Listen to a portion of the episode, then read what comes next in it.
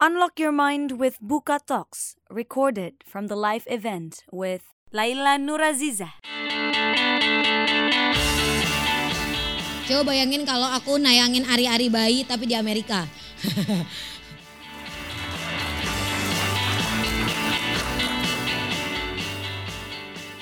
Let's join the talk. Halo, selamat malam semuanya.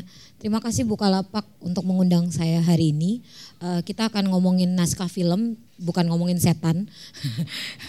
Jadi karena uh, dua tahun belakangan ini aku kemudian dilabeli sebagai penulis film setan, ya kan? Uh, Sebenarnya mulai karir tahun 2010, 2011. Waktu itu 2010 akhir, waktu itu aku masih semester 3 kuliah. Uh, saya kuliah nggak di sekolah film, saya kuliah di kriminologi. Kriminologi cuma ada di Universitas Indonesia tentunya. Jadi saya kuliah dari kriminologi UI yang kemudian tiba-tiba seorang produser waktu itu Lola Amaria datang ke aku terus bilang, "Le, aku mau bikin film." dia tahu dari mana karena saya sebelumnya nulis novel dan dia bilang uh, saya punya storytelling yang bagus. So abis itu dia ngajak bikin sebuah film yang sebenarnya kalau di kriminologi itu kita sering ngomongin hal itu. Jadi kita film pertamaku waktu itu semester 3 kuliah itu ngomongin tentang lesbian, gay, bisexual dan transseksual. Nah, lesbian, gay, bisexual, transseksual tiba-tiba dari satu film pendek terus Mbak Lola nawarin buat bikin 10 film pendek jadiin satu jadi omnibus waktu itu karena omnibus 2010 2011 lagi hits-hitsnya akhirnya muncul pertama kali dan belum lulus kuliah tiba-tiba aku jadi penulis skenario film oke okay? dan akhirnya setelah itu saya jadi penulis skenario film uh, jadi sudah seperti takdir menulis menulis skenario film jadi jadi seperti takdir akhirnya film kedua masih tentang cinta-cintaan Terus kemudian film Jejak Dedari itu sebenarnya belum tayang tapi uh, sudah ditayangkan secara personal sebenarnya private saja. Jadi belum tayang di uh, belum tayang di bioskop. Risetnya dua tahun waktu itu uh, dan itu cerita tentang Bali. Terus Adriana, terus habis itu ada film anak dan tiba-tiba film horor. Oke. Jadi kenapa bermulai dari film horor? Ini film-filmku Kenapa film horor? Jadi sebenarnya basic basicnya aku selain penulis adalah researcher karena kita kuliah di kriminologi. Tahun 2014 aku ingat banget aku datengin ke manajerku waktu itu dan aku bilang boleh nggak dapat project nge-research meneliti sesuatu karena uh, aku basicnya suka banget sama SPSS, suka statistik dan suka ngitung-ngitung. Jadi akhirnya aku minta project research dan dia bilang terserah mau research apa. Oke, gue pengen lihat formula film laris. Jadi akhirnya kita research tentang film laris. Ini metode penelitian dan benar-benar memang meneliti, cuman karena habis itu nggak punya tim, jadi penelitiannya penelitian uh, sendiri, penelitian kuantitatif sendiri. Waktu itu aku cuman pakai dengan 50 sampel, 50 film terlaris dari 2012 sampai 20, 2014 quarter 1 waktu itu.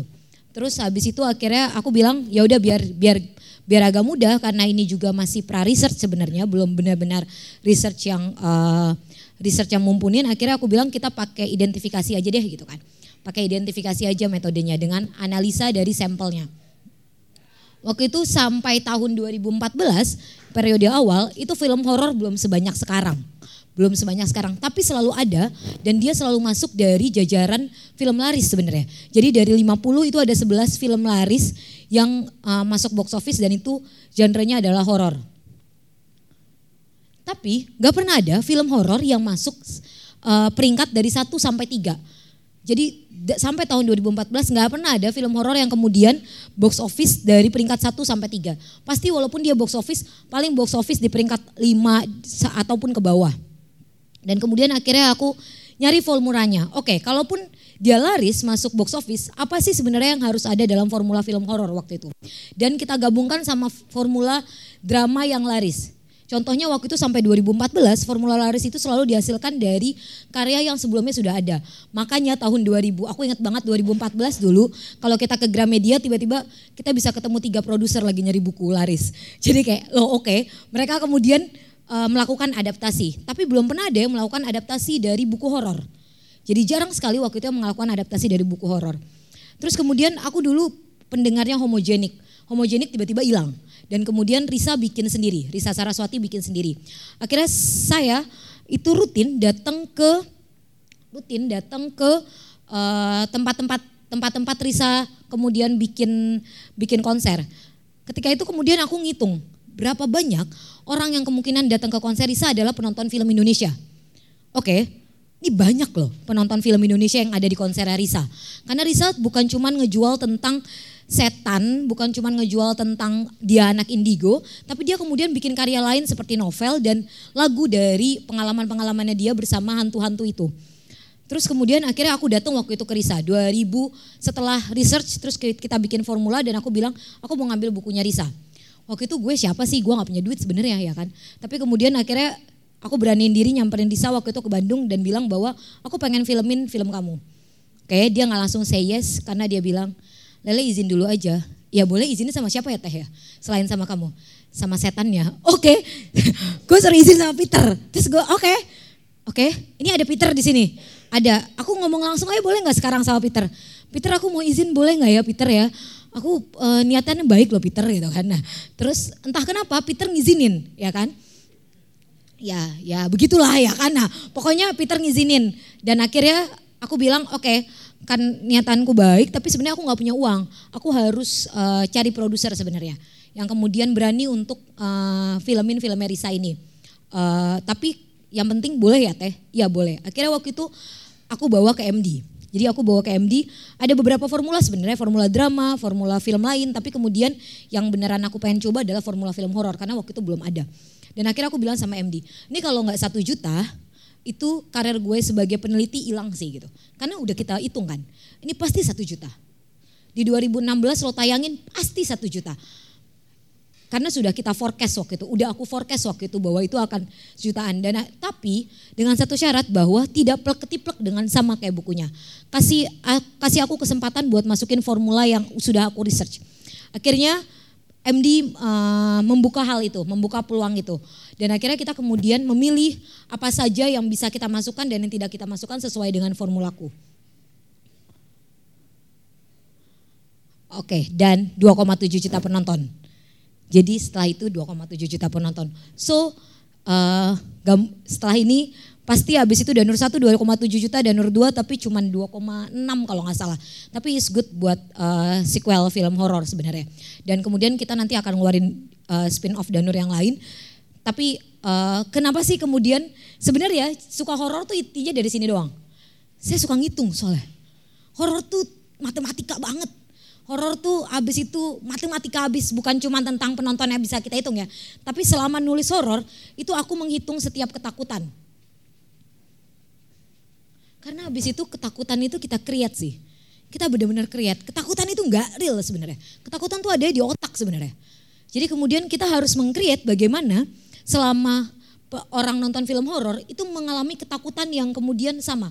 Karena sebenarnya orang-orang yang suka nonton horor itu adalah sensation seeking. Mereka suka seperti uh, naik roller coaster. Roller coaster kan habis itu nggak ada kan yang cuman dreng dreng dreng dreng gitu. Pasti kan habis itu kayak ke bawah ke atas dan itu sudah sudah by system sudah by system dan makanya uh, sebelum nulis horor pasti aku menghitung dulu. Aku menghitung setiap ketukannya, di ketukan itu dia harus takut. Beda sama sama nulis drama, nulis cinta, nulis love. Love itu habis itu bisa yang habis itu sebelah sini nangis, terus yang sini enggak. Tapi ketika kita nulis horor, ketika kita sudah membayangkan di situ orang harus teriak, harus teriak. Gak boleh tiba-tiba dia nggak teriak, harus teriak. Makanya dari itu hitungannya harus tepat banget. Ketukannya harus pas banget. Dan ketika kita tahu ketukan firnya buat siapa, dan kalau beberapa naskah yang aku naskah yang aku bikin jelas. Firnya adalah fir yang kemudian jadi penonton kita jadi penonton film Indonesia. Oke berarti pendekatanku adalah gimana caranya fir yang kita bangun itu sama sama ketakutannya mereka. Jadi kalau kalau di horor kita kemudian ngomongin sebenarnya indera manusia. Ketakutan itu dibikin sama uh, indera kita sendiri.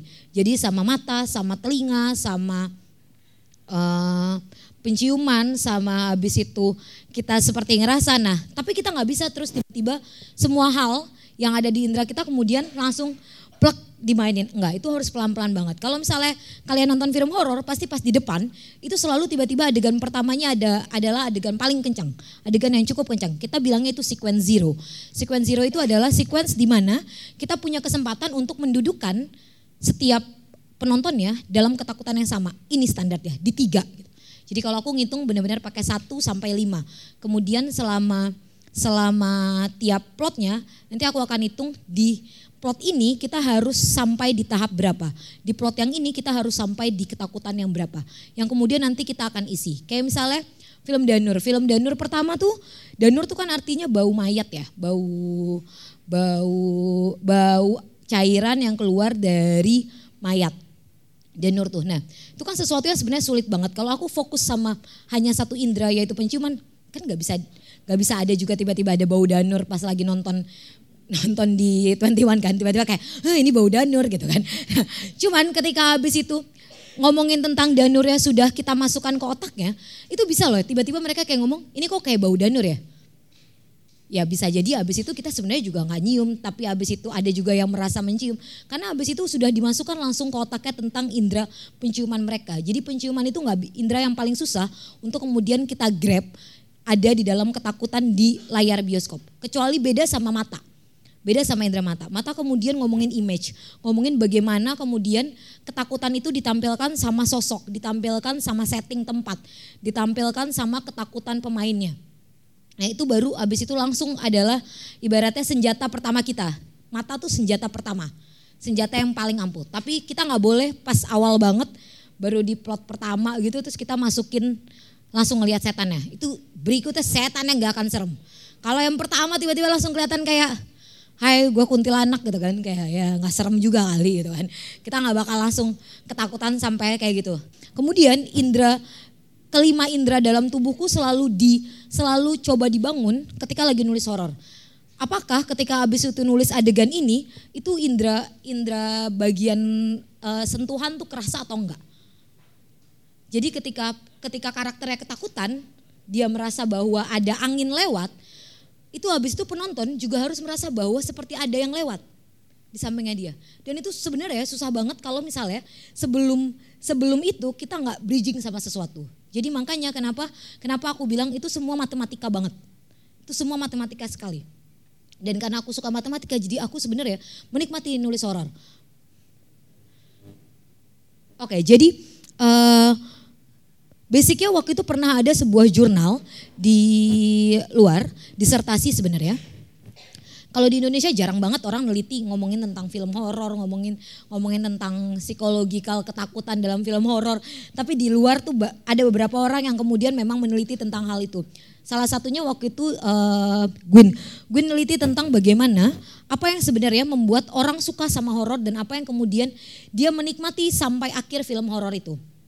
Dia bilang kemudian ada beberapa variabel, faktor yang menentukan bahwa film horor itu tepat untuk orang-orang yang menontonnya merasa dia pas dan kemudian dia akan terus mengalami ketakutan itu.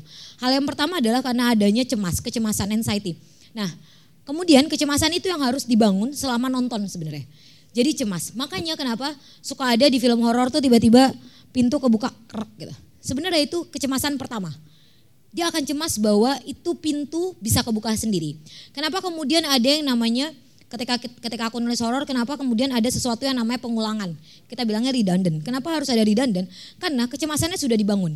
Harus ada kemudian uh, fix bahwa itu akan cemas lagi. Tiba-tiba pintunya kebuka lagi. Dan kali ini lebih dan kali ini lebih lebar. Nah itu redundant itu sebenarnya untuk kemudian bahwa cemas dan yang makin cemas lagi. Dan kemudian ada yang namanya fear sama sesuatu yang kita nggak ketahuin. Makanya pas awal-awal seperti Conjuring. Conjuring adalah salah satu film yang kemudian hitungannya, secara hitungan itu enak banget. Arah itu Conjuring satu tapi ya bukan Conjuring dua. Conjuring dua eh, nggak uh, begitu enak. Nah Conjuring satu itu ketukannya enak banget. Tap, tap, tap, tap, tap, tap, tap, tap. Itu ketukannya enak banget ya. Nah makanya waktu pas pertama kali film-film horor selalu habis itu kita ngelihat rumah dulu rumah yang habis itu kosong ya kan. Kita nggak tahu ada apa sebenarnya. Penonton kemudian dibawa sesuatu yang habis itu dia nggak tahu ada apa. Nah kemudian yang agak uh, menarik adalah bahwa sensation seeking. Jadi ketika orang nonton film horor, dia sebenarnya sudah siap untuk ditakutin. Dia udah siap untuk ditakutin. Meskipun cuman pacarnya dari jadi pacar gue yang pengen nonton horor pacar gue aku sih nggak suka tapi kan pacarku suka ya kan jadi kita bisa habis itu pegangan tangan pas lagi ketakutan gitu kan nah tapi sebenarnya ketika dia bilang bahwa dia bisa pegangan tangan ketika lagi ketakutan dia siap untuk ditakutin Dia bahkan nyari momen dia ditakutin kemudian pegangan tangan. Ya kan? So dia siap sebenarnya buat kita takutin itu. Jadi kalau misalnya ada yang ngomong itu cuman jump scare, no jump scare tuh bukan cuman. Jam, gak ada yang habis itu sebenarnya aku nggak percaya bahwa istilah jump scare, jump scare, jump scare. Enggak, ketika titik itu memang harus titik tinggi. Karena udah kita bangun satu, dua, gak mungkin jadi tiga. Kalau satu, dua jadi satu, nanti duanya sudah tidak seram, jadi bingung itu. Itu itu ketukan kedua atau bukan gitu. Jadi kenapa satu, dua, kemudian tiga, itu bukan cuma gara-gara jump scare, gara, karena habis itu orang lagi siap buat itu. Habis itu ada juga yang satu dua ternyata duanya cuma 2,1 gitu kan ketakutannya karena nanti dulu kita bakal ada tiga tapi nanti gitu. Nah jadi kemudian itu jadi hal yang menarik ketika uh, aku selalu bacain, aku rajin buat baca jurnal tentang ketakutan-ketakutan secara psikologi sebenarnya. Jadi ketakutan yang aku bangun di film horor itu lebih ketakutan-ketakutan psikolo, psikologi karena memang memang itu yang kita kejar. Gimana caranya? Uh, waktu Danur, waktu Danur aku lumayan debat sama produsernya untuk kekeh masukin adegan sholat. Adegan ketika lagi sholat, kemudian ada setannya. Nah, hal itu karena di film horor itu akan ada retention, orang akan nonton lagi. Karena ketika nyampe rumah, dia buka pintu, dia masih ingat sama itu. Dan kalau kita mau bikin ingat sama itu, itu harus sesuatu yang habis itu dekat sekali sama kita. Makanya ketika habis itu aku bikin sholat, itu dekat sekali gitu kan. Orang tiba-tiba jadi takut buat nengok terus pas lagi kayak atahiyat terakhir terus tiba-tiba ada setannya di sini. Itu danur satu. Danur dua, gue nggak bikin yang sama lagi. Gue bikin lagi zikir terus setannya juga ikut zikir. Ya kan? Jadi kayak habis itu bahkan kayak dapat banyak uh, mention waktu itu dari banyak orang kayak habis itu males jam 2 malam sholat malam buat zikir gitu kan. Karena habis itu benar-benar kayak pas di Danur dua tuh aku bikin lagi gini geleng-geleng dan setannya di depan ikut geleng-geleng kepala gitu kan. Jadi hal itu yang kemudian sebenarnya harus didapetin. Kenapa nggak bisa yang jauh banget dan hati-hati jin itu, setan itu tiap dunia, tiap benua beda-beda. Entah kenapa ya, karena sebenarnya ada di sini. Jadi tiap jadi setan di Amerika sama setan di Indonesia tuh beda. Di Amerika nggak ada pocong kan. Ya karena habis itu nggak pocong sistemnya itu. Atau di Eropa nggak ada yang namanya pocong. Atau kita nggak kita nggak percaya sama yang namanya iblis. Kita nggak percaya sama sistem-sistem iblis kayak demonik. Kita nggak percaya gitu. Kita lebih percaya sama santet gitu. Kita lebih percaya sama sesuatu yang habis itu Indonesia sekali. Nah makanya itu yang habis itu menarik dari film horor adalah itu. Aku benar-benar harus research ketakutan society-nya apa. Karena nggak bisa tiba-tiba kayak aku pengen bikin kayak uh, sesuatu yang habis itu demon gitu. Yang kayak alien kayak aku suka banget sama film uh, aku lupa yang kalau bersuara terus habis itu dia tiba-tiba alien yang muncul. Kalau di sini nggak bisa tiba-tiba alien yang muncul. Kalau sekarang habis itu kita uh, mikir ya bukan alien yang muncul tapi kuntilanak yang muncul mungkin lebih serem di sini. Karena habis itu itu jin itu berkelompok. Kita bilangnya society. ketakutan social anxiety-nya harus sama. Social anxiety. Siapa yang kemudian nonton? Kecemasannya harus kecemasan masyarakat yang kemudian jadi target utama kita. Coba bayangin kalau aku nayangin ari-ari bayi tapi di Amerika. Gak ada ari-ari bayi di Amerika kan. Makanya kalau di Indonesia eh, karena kemudian settingnya tahun 90-an jadinya habis itu ada hari-hari bayi karena dulu masih Mungkin sampai sekarang juga masih hari-hari bayi itu dikubur ketika habis itu anak lahir. Dan kemudian kalau misalnya suka dengar kalau misalnya ada suara ciap-ciap ayam itu berarti ada kuntilanak di sekitar situ di dekat kuburan hari-hari bayi. Dan kemudian itu ketakutan society sebenarnya. Sampai sekarang orang masih percaya sama itu. Masih percaya bahwa hari-hari bayi itu bisa dimakan sama kuntilanak. Jadi itulah uh, hitungan-hitungan film horor. Jadi kalau misalnya ada yang mau bertanya jangan bertanya abis itu aku pernah lihat setan atau enggak. aku pernah digangguin selama aku nulis atau enggak. Karena kemudian otakku bukan cuma tentang digangguin sama setannya gitu. Gue malah mencoba untuk gimana cara ya setan gak ganggu sekarang.